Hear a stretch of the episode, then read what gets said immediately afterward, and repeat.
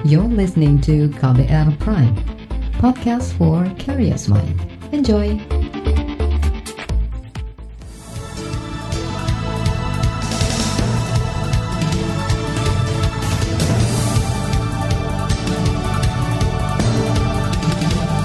Selamat pagi saudara, kembali kami menyapa Anda pagi hari ini dengan program Buletin Pagi Selasa 7 Juli 2020 bersama saya Eka Juli. Kami sudah menyiapkan sejumlah informasi terkini, di antaranya pro dan kontra dibukanya keran ekspor benih lobster. Presiden targetkan penurunan emisi gas rumah kaca tahun ini. Terimbas corona, ratusan buruh migran Banyuwangi menganggur, dan inilah Buletin Pagi selengkapnya. Terbaru di Buletin Pagi. Saudara Kementerian Kelautan dan Perikanan atau KKP membuka kembali keran ekspor benih lobster atau benur yang pernah dilarang saat era kepemimpinan Susi Pujiastuti. Keputusan ini termuat dalam Permen Kementerian Kelautan dan Perikanan tentang pengelolaan lobster. Menteri Kelautan dan Perikanan Edi Prabowo beralasan rencana ekspor benih lobster itu untuk menghidupkan denyut ekonomi nelayan – Penjelasan ini ia sampaikan saat rapat kerja bersama Komisi Kelautan dan Perikanan DPR kemarin. Semangat kami melakukan izin ekspor, izin budidaya lobster karena kita sendiri mengetahui selama ini banyak sekali dengan perlakuan yang peraturan yang lama, para pelaku usaha, para nelayan yang selama ini hidupnya tergantung oleh penangkapan benih lobster ini yang tadinya ada yang dibudidaya yang kemudian ada diekspor, itu kita mau hidupkan kembali apalagi dalam situasi yang seperti ini. Memang kami tidak ingin bersembunyi di balik Covid sehingga semua kebijakan kita uh, menggunakan kesempatan ini. Menteri Kelautan dan Perikanan Edi Prabowo juga menyebut ekspor benih lobster juga didasari atas rentannya pengembangan benih lobster di laut lepas. Sebab persentase kehidupan benih lobster menjadi lobster dewasa sangat rendah dibandingkan budidaya. Menurutnya, hal itu bisa dimanfaatkan nelayan untuk budidaya benih lobster dalam negeri dan diekspor. Kementerian Kelautan dan Perikanan mengklaim 10.000 nelayan tergabung dalam pembudidayaan lobster itu. Sementara itu, Komisi Bidang Kelautan DPR mendorong Kementerian Kelautan dan Perikanan mengawasi perusahaan-perusahaan yang mengantongi izin ekspor benur. Menurut anggota Komisi Bidang Kelautan DPR, Selamat, pengawasan ketat tersebut antara lain terkait ukuran dan larangan ekspor lobster yang tidak bertelur. Menurutnya, maksud kami menurut politisi PKS itu, pengawasan juga harus diiringi sanksi yang jelas atas pelanggaran dan eksportir. Saya mengingatkan sebagai tugas dan fungsi saya sebagai wakil rakyat, harapannya adalah pemerintah menjadi regulator yang baik, sehingga ketika menentukan siapa yang memang layak mendapatkan izin atau tidak, tidak ada unsur-unsur yang kemudian akhirnya pada akhirnya memberikan atau menjadikan proses pengawasan yang dilakukan oleh pemerintah menjadi lemah sehingga pada ujungnya karena pengawasan lemah dari pemerintah karena yang perusahaan adalah bagian dari teman-teman kita maka akan mengorbankan kepentingan rakyat dan juga kepentingan bangsa ini. Itu tadi anggota komisi yang membidangi kemaritiman DPR, Selamat. Sementara anggota Komisi Kelautan lainnya, Hermanto, menginginkan pemerintah mengembangkan budidaya lobster yang menguntungkan bagi nelayan lokal – Kebijakan ekspor lobster juga harus mempertimbangkan keseimbangan kehidupan lobster dan kemakmuran rakyat. Namun, saudara, Himpunan Nelayan Seluruh Indonesia atau HNSI meragukan kebijakan Kementerian Kelautan dan Perikanan yang membolehkan dibukanya kembali ekspor benih lobster. Menurut Sekretaris Jenderal HNSI, Anton Leonard, Inisiatif ekspor benur belum disertai syarat pengawasan dan keterlibatan nelayan di dalamnya sehingga rawan adanya permainan bisnis. Lobster itu benihnya dijual tapi dalam peraturan yang ketat gitu kan, yang menurut menteri sekarang. Nah, sekarang masalahnya dijamin nggak oleh menteri yang baru bahwa pengawasan di lapangan itu akan berjalan sesuai dengan aturan yang ada yang dianggap ketat itu. Jangan-jangan nanti jadi arena perbisnisan para pejabat, jangan-jangan seperti itu kan. Itu yang yang diragukan gitu. Nah, sehingga kata kuncinya adalah pengawasan itu. Pengawasan itu harus di, harus betul-betul bisa terlaksana. Nah, bagaimana pengawasan itu bisa terlaksana adalah kalau masyarakat dilibatkan gitu. Sekretaris Jenderal Himpunan Nelayan Seluruh Indonesia Anton Leonard menambahkan, Sampai saat ini, Menteri Kelautan dan Perikanan Edi Prabowo sama sekali tidak melibatkan masyarakat nelayan dalam rencananya. Kata dia, jika program itu hanya melibatkan unsur pemerintah atau lembaga pemerintah, maka akan syarat kepentingan pribadi. Dampaknya, benur akan terancam punah dari Indonesia. Koalisi Rakyat untuk Masyarakat Perikanan atau KIARA menilai peraturan Menteri Kelautan dan Perikanan tentang pengelolaan lobster sejak awal tidak memiliki alasan kuat untuk diterima masyarakat. Selain itu, menurut Sekjen Kiara, Susan Herawati, saat ini pajak yang diterima dari ekspor benur terbilang kecil, bahkan tidak mencapai 50 persen dari jumlah benih yang dijual. Ia menilai dengan penerimaan pajak yang tidak seberapa, maka ekspor benur tidak akan membantu perekonomian nelayan ataupun menambah devisa negara bagaimana kemudian arah kebijakan mereka mau didorong ketika melihat permasalahan benih lobster yang cukup lama. Terpenting memang kalau memang negara ini menjalankan mandat Undang-Undang 7 tahun 2016 gitu ya tentang pelindungan dan pemberdayaan nelayan, seharusnya didorong itu bukan ekspor gitu, tapi kemudian bagaimana kita mendorong supaya para nelayan penangkap benih ini untuk kemudian bisa melakukan budidaya atau pembesaran lobster di daerahnya ketimbang kita menjual benih-benih lobster dengan harga yang sangat murah. Itu tadi Sekjen Kiara Susan Herawati. Mengutip Tempo.co, ada 30-an perusahaan eksportir benur lobster semenjak Menteri Kelautan dan Perikanan Edi Prabowo membuka keran ekspor. Catatan Tempo menyebut ada sejumlah kader partai di belakang perusahaan-perusahaan eksportir benih lobster. Semisal nama Bahtiar Sebayang yang duduk sebagai komisaris utama PT Royal Samudra Nusantara. Ia adalah Wakil Ketua Umum Tunas Indonesia Raya, organisasi sayap Partai Gerindra. Menteri KKP juga berasal dari partai yang sama. Bekas Menteri Kelautan dan Perikanan Susi Pujiastuti menolak rencana ini. Hal itu ia sampaikan di akun Twitternya. Saudara, bagaimana aturan sholat Idul Adha dan penyembelihan hewan kurban di masa pandemi COVID-19? Informasinya kami hadirkan sesaat lagi, tetaplah di Buletin Pagi. You're listening to KBR Pride, podcast for curious mind. Enjoy!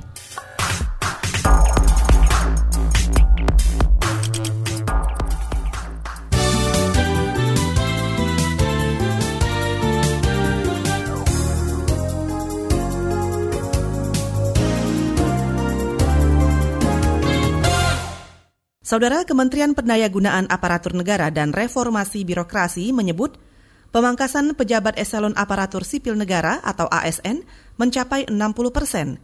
Dalam rapat kerja dengan Komisi Bidang Pemerintahan DPR, Menteri Pendayagunaan Aparatur Negara dan Reformasi Birokrasi Cahyo Kumolo menargetkan pemangkasan ini bakal rampung pada Desember 2020 sudah ada rapat dua kali yang dipimpin oleh Bapak Wapres karena kesepakatan dengan seluruh anggota tim yang dipimpin oleh Bapak Wapres, kita mentargetkan Desember tahun ini selesai. Walaupun ada pandemi COVID, kami cukup yakin ini akan selesai. Karena tahapan berikutnya juga akan kita atur kembali mengenai kesejahteraan juga, kemudian yang berkaitan dengan pensiun, kemudian hal-hal yang berkaitan dengan penyederhanaan birokrasi kita.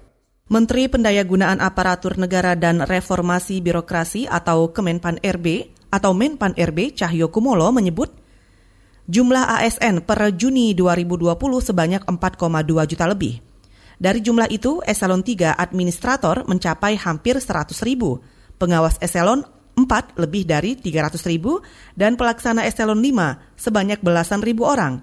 Kemenpan RB juga melakukan identifikasi administrasi untuk mekanisme pengalihan dan pemetaan jabatan untuk pejabat fungsional yang terdampak pemangkasan. Kita ke Jawa Timur. Provinsi ini masih menjadi daerah dengan penambahan jumlah terbanyak pasien positif COVID-19, yakni 308 kasus baru.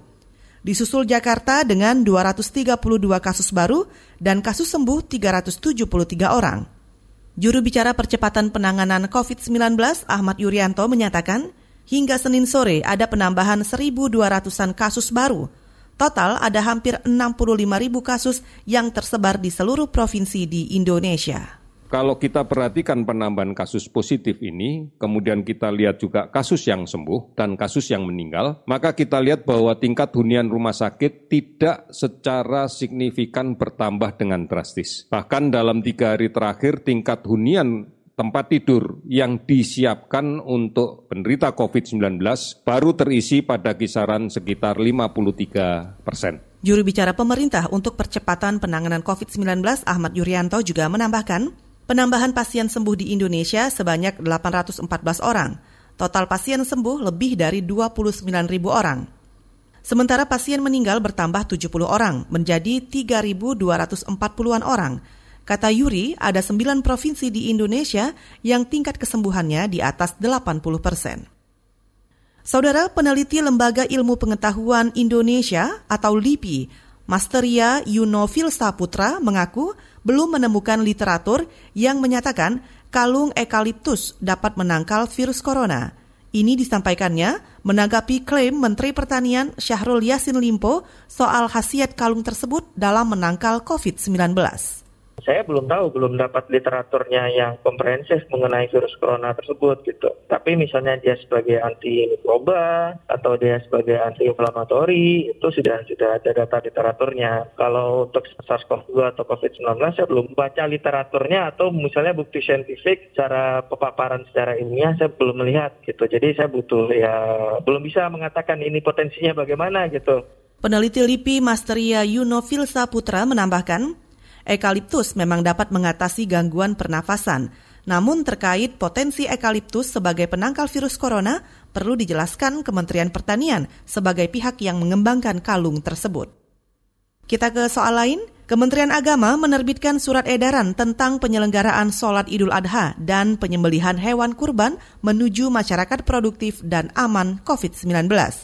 Menurut Menteri Agama Fahrul Razi, Surat edaran itu mengizinkan masyarakat melaksanakan sholat dan kurban dengan syarat menerapkan protokol kesehatan yang ketat, ada di zona aman COVID-19 dan sesuai pemantauan gugus tugas COVID-19 daerah. Tanda sholat antara lain satu, sebelum sholat tempat itu harus dibersihkan, dilakukan disinfektan lah begitu ya. Kemudian diusahakan gate masuknya terbatas, mungkin satu atau dua sehingga pada saat masuk bisa dicek suhunya gitu ya. Kemudian dianjurkan kepada yang anak-anak ataupun kepada orang tua yang rentan, apalagi punya penyakit bawaan yang rentan untuk penularan, jangan mengikut sholat idul adha. Menteri Agama Fahrul Razi juga menambahkan, mekanisme pelaksanaan kurban juga harus mengikuti protokol kesehatan, seperti mengharuskan panitia kurban membawa alatnya masing-masing. Dan untuk menghindari pembagian daging kurban dengan mengumpulkan warga, Menteri Agama meminta panitia kurban membagikan daging kurban dengan mendatangi penerima kurban. Saudara kita ke mancanegara, pemerintah Australia akan mengisolasi negara bagian Victoria dengan menutup akses keluar masuk wilayah itu setelah terjadi lonjakan kasus virus corona dalam beberapa pekan terakhir. Negara bagian terpadat kedua di negeri kanguru itu mendeteksi 127 kasus baru virus corona minggu kemarin. Mengutip AFP, Langkah isolasi ini merupakan yang pertama dilakukan Australia sejak pandemi corona pertama kali terdeteksi di negara itu. Sebelum mengisolasi, pemerintah Australia juga lebih dulu menerapkan penguncian wilayah kota Melbourne usai ditemukan 73 kasus baru awal Juli kemarin. Saudara, selanjutnya kami hadirkan laporan khas KBR tentang Mama Mayora, transpuan pejabat publik pertama di Indonesia. Sesaat lagi tetaplah di Buletin Pagi. You're listening to KBR Pride, podcast for curious mind. Enjoy!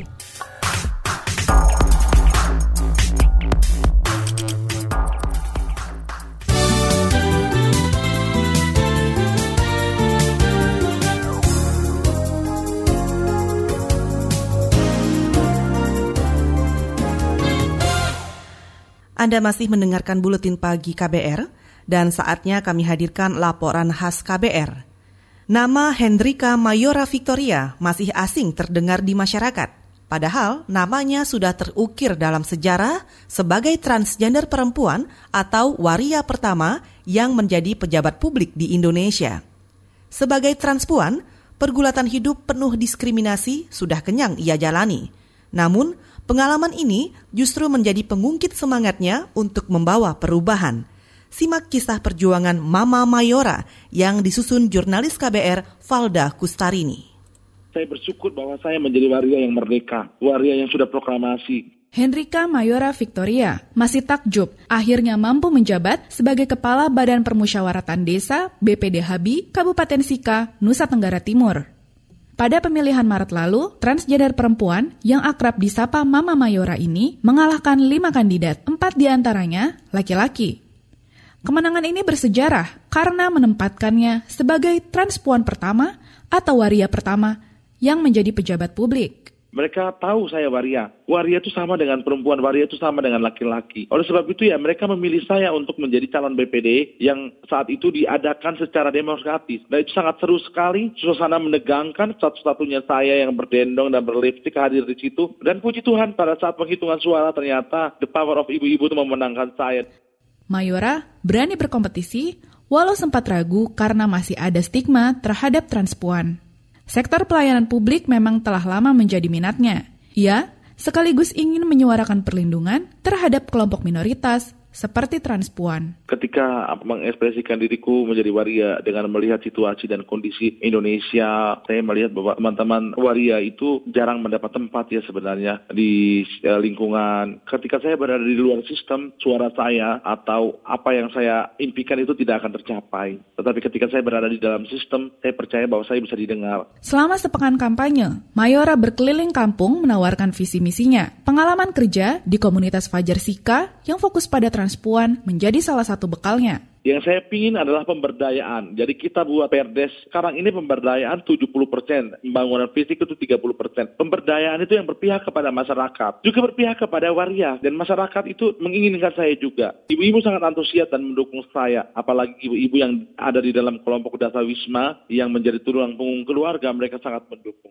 Kesuksesan Mayora hanya penggalan kecil dari perjalanan panjang dan berliku menemukan jati diri. Lahir di keluarga Katolik taat, ia sudah mengalami pergolakan batin sedari kecil karena merasa berbeda. Transpuan kelahiran 1986 ini sempat ingin membunuh jiwa perempuannya dengan berkhidmat menjadi bruder atau biarawan.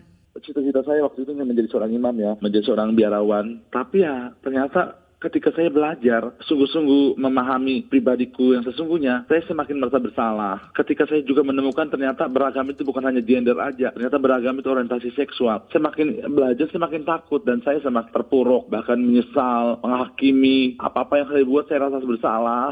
Selama pelayanan, Mayora bolak-balik ke Papua, NTT, dan Yogyakarta. Di masa-masa itu, ia tak jarang mengalami depresi karena bergumul hebat dengan identitasnya. Apalagi doktrin agama yang dianutnya melarang homoseksualitas saya sebenarnya dari lahir ya, dari kecil udah rasa bahwa bagaimana perasaan saya sebagai seorang perempuan, ngondeknya, kemudian jalannya. Cuma karena aku taat pada orang tua, aku ikut mematuhi aturan keluarga bahwa aku adalah laki-laki yang dalam tanda petik aku masih bersembunyi.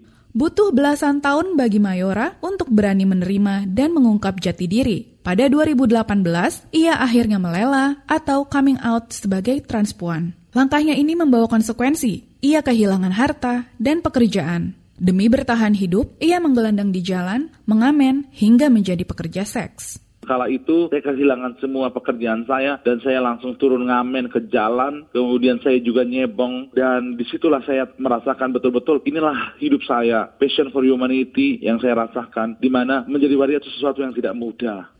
Setahun lalu, Mayora memutuskan pulang ke kampungnya di Maumere, NTT. Ia sempat ditolak sebelum akhirnya berhasil meyakinkan keluarganya bahwa menjadi transpuan bukanlah kesalahan. Lambat laun, Mayora juga diterima warga sekitar dan bahkan dilibatkan dalam banyak kegiatan. Keluarga sempat menolak, bahkan gereja pertama di tempat saya masih cuek dengan saya ketika saya mengekspresikan diri saya sebagai seorang trans. Dalam hal ini saya berinklusi dengan masyarakat. Ternyata saya dipakai di beberapa komunitas, di beberapa organisasi seperti PKK Kabupaten, saya dilibatkan sebagai anggota di Pokja 1, sedangkan di kecamatan di tempat saya tinggal, saya dilibatkan sebagai ketua Pokja 1 yang punya peran penting Berstatus sebagai kepala BPD Habi, Mayora ingin membuat aturan ramah perempuan, transpuan, maupun kelompok minoritas lain. Mereka berhak mendapat perlindungan dari segala bentuk diskriminasi. Ia juga meminta para transpuan pantang takut untuk menerima dan menunjukkan identitas diri. Saya punya refleksi teologi sendiri bahwa Allah itu sungguh hadir dalam orang-orang kecil ketika saya mengikuti spiritualitas. Kalau Katolik, kalau Kristen juga yang konservatif menolak LGBT, menolak waria. Tetapi saya melihat Yesus tidak menolak waria. Pelan-pelan saya merasakan itu. Demikian laporan khas KBR, saya Valda Kustarini. Itu tadi cerita Mama Mayora, transpuan pejabat publik pertama di Indonesia. Selanjutnya kami akan hadirkan informasi daerah, tetaplah di Buletin Pagi. You're listening to KBR Pride, podcast for curious mind. Enjoy!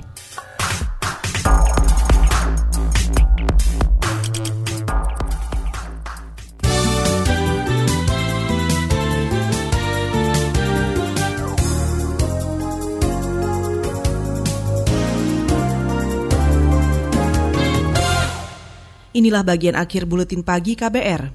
Saudara dua warga di Poso, Sulawesi Selatan tewas ditembak Satgas Tinombala.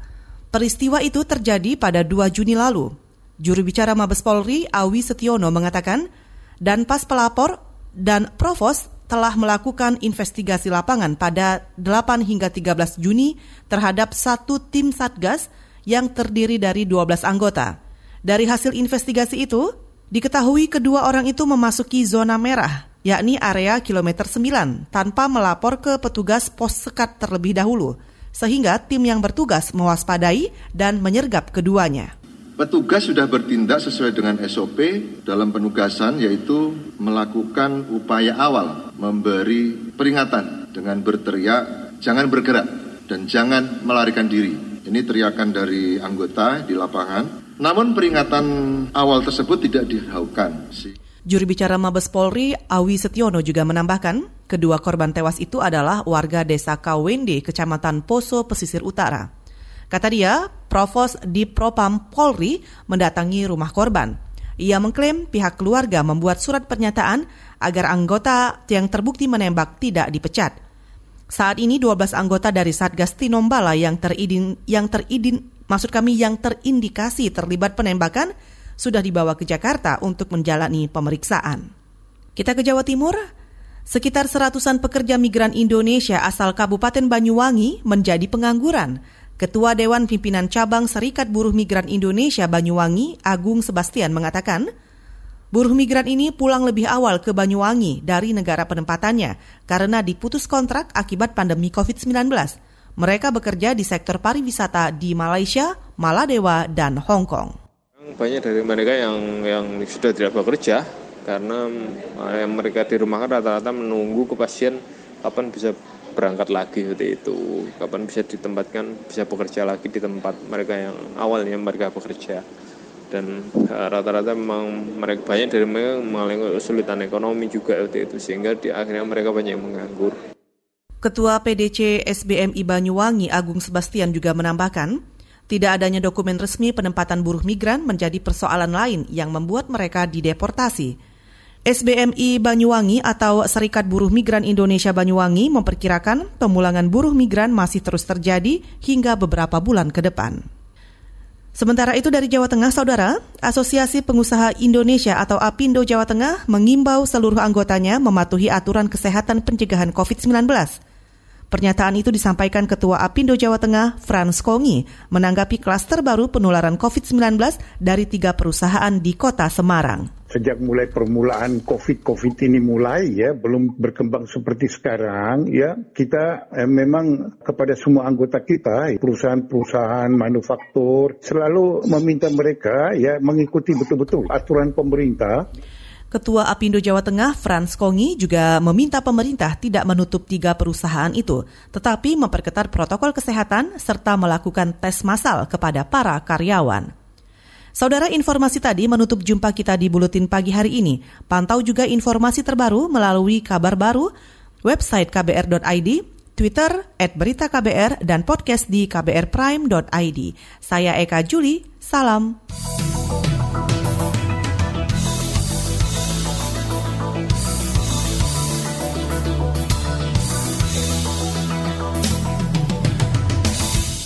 KBR Prime, cara asik mendengar berita. KBR Prime, podcast for curious mind.